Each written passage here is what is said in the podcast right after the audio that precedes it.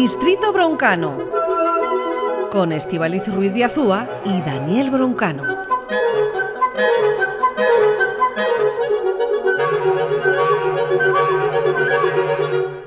Les proponemos entrar en una nueva propuesta de músicas, de músicos y de sus instrumentos. En esta aventura nos acompaña él, Daniel Broncano. Ella, Estivaliz, ¿qué tal? ¿Cómo, es, ¿Cómo van las cosas por tu vida? ¿Todo bien? Pues van muy bien, eh, además con propósitos muy firmes, porque es que es verdad que, yo lo que me estoy dando cuenta es que hace falta aumentar el, contenido curricular de mi sección, Ah, si te parece. Sí, no sé, De ¿has, forma- has pedido permisos y esas cosas? ¿Sí? ¿Todo concedido? Todo coincidido por parte de las altas instancias de Vale. la musicología. O sea, el plan es un poco que quien escuche esta sección Sí. casi se lo convaliden con primero de musicología al final del curso. Vale, muy bien. O sea, que Vale. la aventura en la que hoy nos metemos eh, tiene ese propósito, el de conocer la vida interior de ciertas cosas, ciertos instrumentos y su importancia, es. por ejemplo, en, en- en esa labor de La vida. equipo que es la orquesta. Esto es, esto es, es desmenuzar la orquesta. Claro, eh, os vamos a pasear por, por instrumentos que hace falta escuchar con cariño, Sí. eh, poner en vuestras vidas eh, muy en serio. Y el primero, el primer instrumento, eh, es el que muchas veces suena realmente el primero en la orquesta, que es Sí. el oboe. El oboe, vale. ¿Y El qué se puede este. decir del oboe o qué se le puede decir del oboe a alguien y no miro a nadie que ha tenido que mirar en Google cómo es un oboe? A ver, cuéntame. Claro, a ver, supongo que yo como clarinetista presupongo que toda la humanidad Sí, claro. son eh, admiradores del clarinete, este instrumento de, de viento alargado negro. El oboe es un poco parecido, pero con una eh, lengüeta doble, Eh, o sea, hay como una doble caña. Esto los oboístas cuando la eh, prueban antes de tocar su instrumento suena como una como el como el canto de cortejo de una butarda. vale, me lo has aclarado todo. sí. Suena, suena muy mal. Entonces, esto produce, una vez que se junta con el resto del instrumento, produce un sonido eh, nasal, dirían algunos.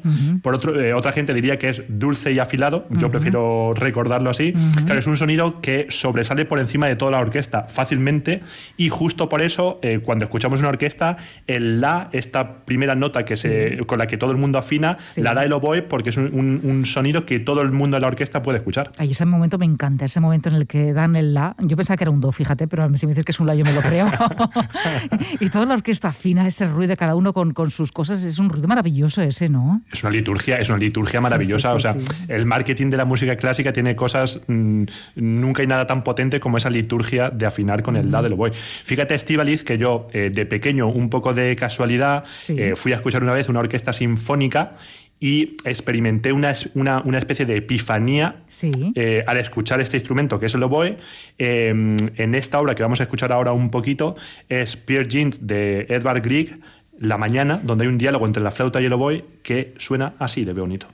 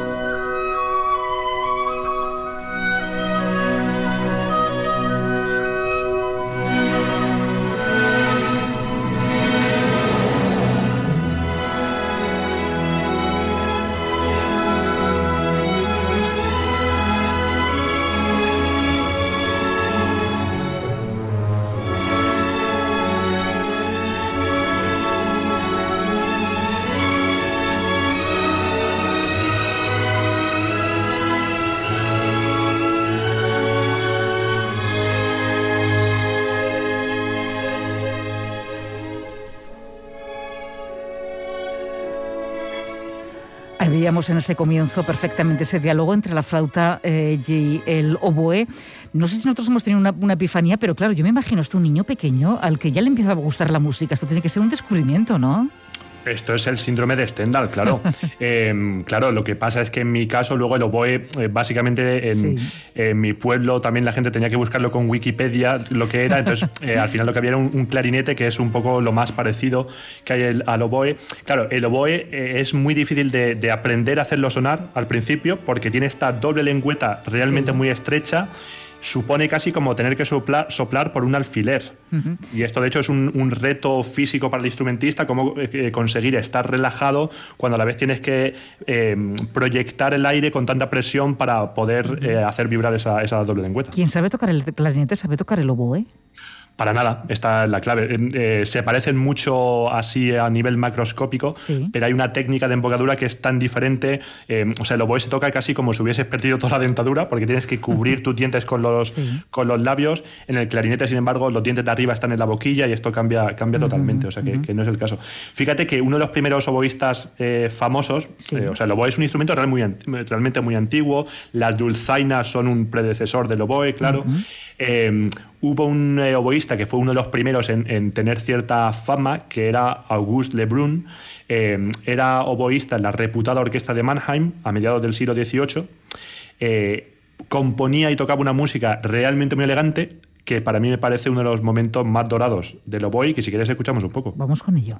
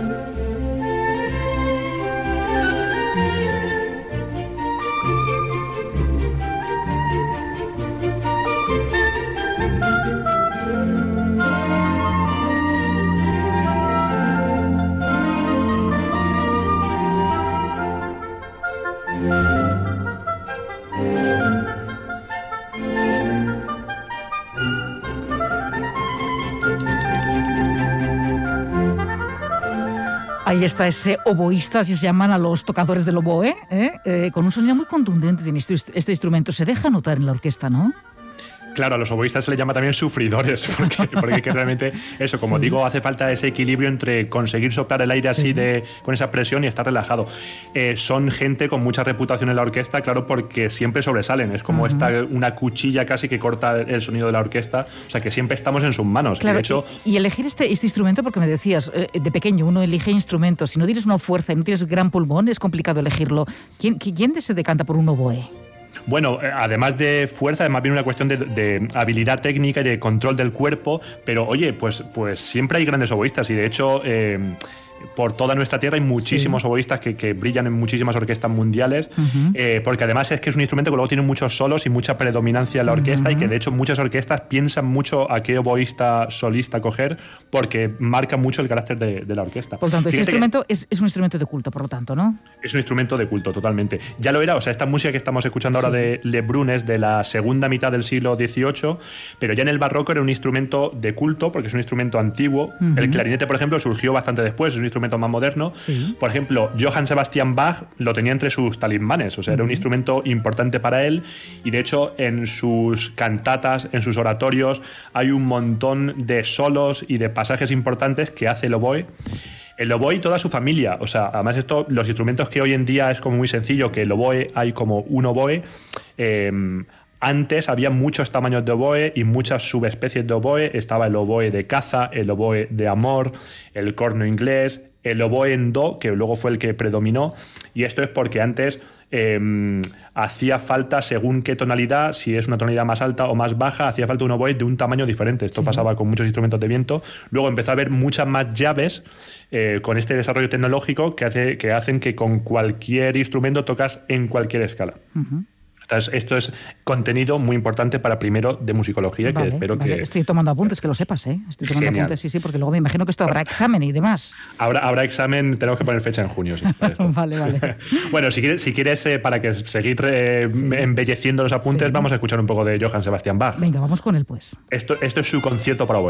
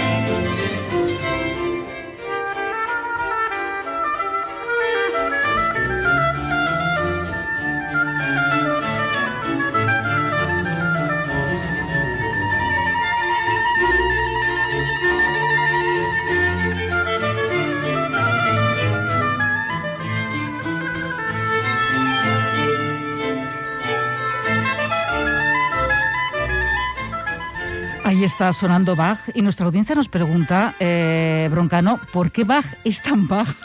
¿Por qué suena tanto a Bach? ¿Por qué Bach se, caricaturizaba en cada obra, no? pues eh, es que es lo que tienen los genios históricos, eh, que es que lo que hacen ellos no lo puede hacer nada más. Tenía, tenía un cerebro monumental, un cerebro que es para, para ponerle un pedestal. era un compositor que es que tenía tal eh, genialidad para enlazar las notas, para crear estos hilos interminables, que es que, vamos, es, una barbaridad. Efectivamente, eh, es solo Bach el que puede hacer. Este Bach, es muy Bach. Antes nos decías que se había unificado ese, ese modelo de, de, oboe. Claro, pero a ver, si yo voy a una tienda de instrumentos y digo, por favor, me dé un oboe, ¿saben lo que me tienen que dar? Eh, claro, digamos que, que una, una convergencia de todos estos oboes barrocos en el oboe que luego se llamó oboe de conservatorio, como un poco el oboe en do principalmente. Eh, principalmente con fabricantes franceses, aunque también hay alguna versión un poco diferente alemana. Y luego, claro, el oboe en general, como estábamos explicando con esto de la lengüeta muy eh, estrecha, funciona casi como un lanzallamas, o sea, es un instrumento muy eficaz en, en, la cantidad de sonido que es capaz de generar. Luego hay otra subespecie que es el eh, oboe vienés que esto directamente es un bazooka. O sea, esto es, esto es, claro, hay que tocarlo con cuidado porque es que esto em, traspasa las... Suena eh, contundente, ¿no? Sí, traspasa las fronteras de donde estés tocando. Eh, esto solo se toca en Viena, mm, digamos que de verdad suena a rayos, pero eh, se consigue camuflar y ellos lo consiguen tocar bien, ¿no? Em, otro, em, yo te voy a hablar de otro embajador del oboe, que fue Mozart, porque Mozart mm, creo que también sintió la epifanía del oboe eh, si, si, Bach es siempre Bach o por qué Bach es tan Bach, Mozart también es siempre Mozart, también un, estilo que es el suyo, eh, y que hizo un concierto para Boe, además otras obras como, como dos cuartetos. Y si quieres escuchamos un, fragmento de este concierto pues, para Boe. Eh, vamos a escuchar, hemos escuchado a Bach, vamos a escuchar a Mozart, a ver cómo suena.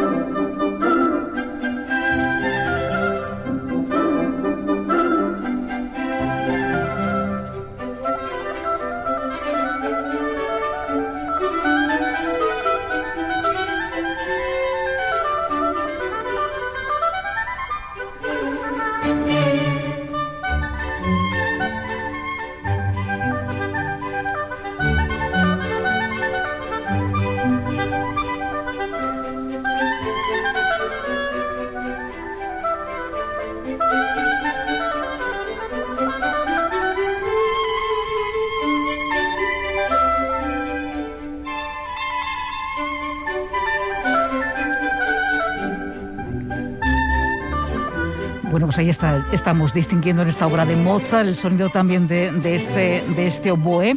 Hombre, me gusta este sonido, ¿eh? me gusta este sonido contundente, pero a la vez tiene un sonido también eh, broncano muy musical, ¿no?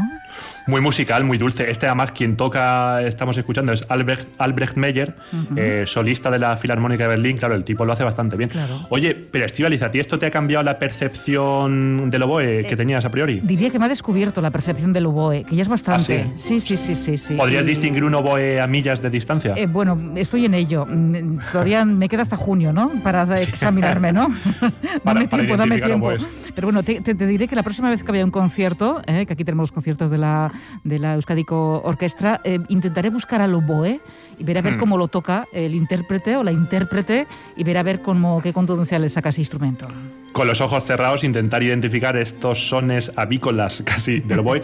Eh, claro, el oboe, fíjate que ahora estamos escuchando sonidos clásicos y antes barrocos del oboe, también tuvo su momento romántico. Mm. Eh, hubo un compositor, Schumann, eh, claro, eh, genio romántico, componía muchas canciones muy urgentes todas, porque claro, es que Schumann y todo este momento histórico del romanticismo tenían azogue, o sea, es que tenían, tenían unos prontos que les venían. a veces estas canciones para voz, pues hacían versiones parecidas eh, para instrumento, o sea, para instrumento y piano, donde a mí un poco me recuerda casi cuando ves una mascota o un perro que es que le falta hablar. a veces es que le falta hablar, pues esta es la sensación con estas obras de Schumann, eh, que él de una forma pensaba también de una forma vocal y cuando lo hace un instrumento es que le faltan las palabras prácticamente. Y este es el caso de estas bellísimas tres romanzas que escribió para oboe. Lo escuchamos.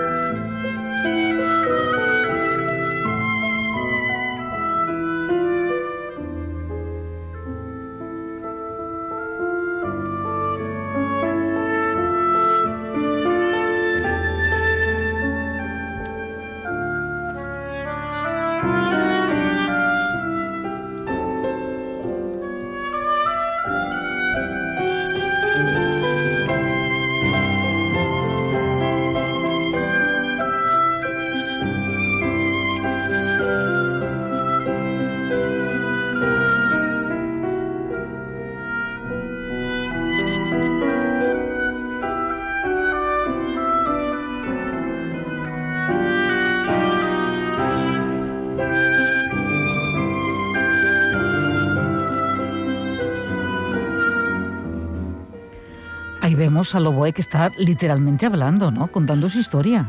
Es una maravilla, o sea, cada uno más yo creo que le pone ya sus propias palabras. Aquí quien lo toca es un grandísimo oboísta que es Olivier Stankiewicz, eh, oboe solista de la London Symphony y que es, vamos, Schumann y encima así de bien tocado es, espectacular. Uh yo quería eh, no empezar directamente con el tópico, pero es verdad que un poco la asociación casi más habitual del oboe se la debemos a Prokofiev con su cuento musical Pedro y el Lobo, eh, donde casi creo que podemos imaginar a qué animal eh, lo asociaba o a qué animal ponía sonido, y esto es el pato, como oímos en Pedro y el Lobo.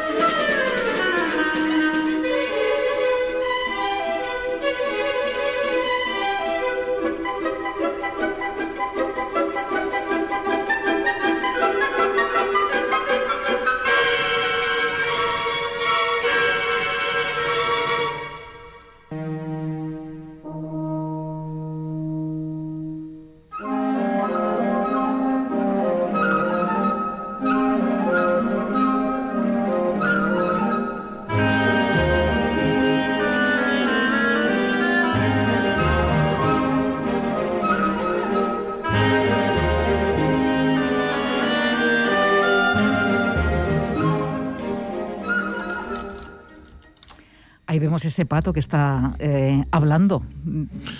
Pato Ah, ganso, hace- diríamos que es pato, en todo, en todo caso, ¿no? Sí. pato. Sí, contando, contando cosas de pato. Es que al final yo creo que se parecen bastante a las de ganso, claro, y la oca. Eh, te voy a llevar a otra figura importante del oboísmo, Sí. eh, Antonio Pasculi, italiano que vivió en la segunda mitad del siglo XIX. Esto es una figura que viene a ser como el Paganini del oboe, o sea, una persona muy virtuosa que podía tocar 10.000 millones de notas por Sí, segundo con sí, el oboe. sí. Entonces, para fardar de esta cualidad, compuso otra obra eh, que, como este momento de Prokofiev que escuchábamos, tiene una naturaleza animalística, una obra que se llama La abeja. Eh, ahora cuando la escuchemos vas a ver que es muy curioso Estivaliz que se oye a un oboe tocar notas sin parar, literalmente sin parar, porque hace respiración continua. Esto es una, técnica que se utiliza en, en los instrumentos de viento, que es eh, que se aprovecha para echar el aire que se acumula en los mofletes, o sea, haces como una especie de pez eh, globo momentáneo. Eh, esto lo expulsas para mm, sostener el sonido momentáneamente mientras inspiras por la nariz rapidísimamente. O sea, Estoy, estoy intentándolo, te, te diré, ¿eh? hay que probarlo con un vaso de agua y una pajita. Pero esto, esto es una técnica que, que parece absurda y que la gente pues, causa incomprensión, pero a la vez te hace ser un dios del oboe, como era Pasculi cuando tocaba la abeja. Venga, vamos a fijarnos bien, a ver cómo lo hace.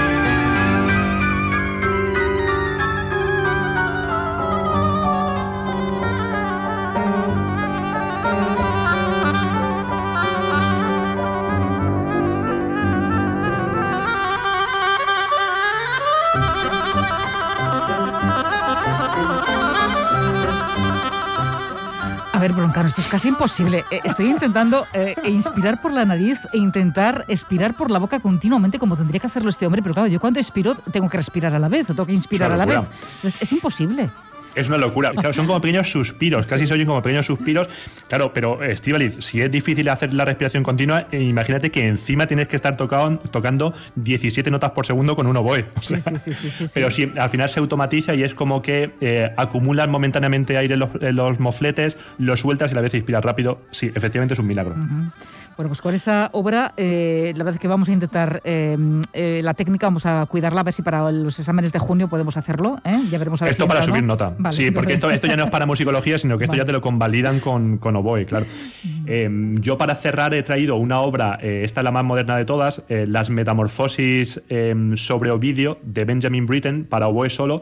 Y esto es, es una obra casi filosófica, que además está inspirada como en seis divinidades clásicas, en Pan, Faetón, Níobe, Baco, Narciso y Aretusa, todas representadas por un oboe solo, tocado por Heinz Holliger, que es una otra leyenda, otro oboísta mítico. Y bueno, pues este es nuestro recorrido que espero que haya servido Vale. para identificar y amar al oboe. Pues con ello vamos a quedarnos en esta lección de este curso de primero de musicología, eh, que era la de aprender a distinguir el oboe en la orquesta. Si te parece, nos quedamos con él. Amen al oboe, eh, sean felices mientras tanto. Daniel Broncanos, que ricasco. Un besazo, es que Agur, hasta ricasco. luego. Agur.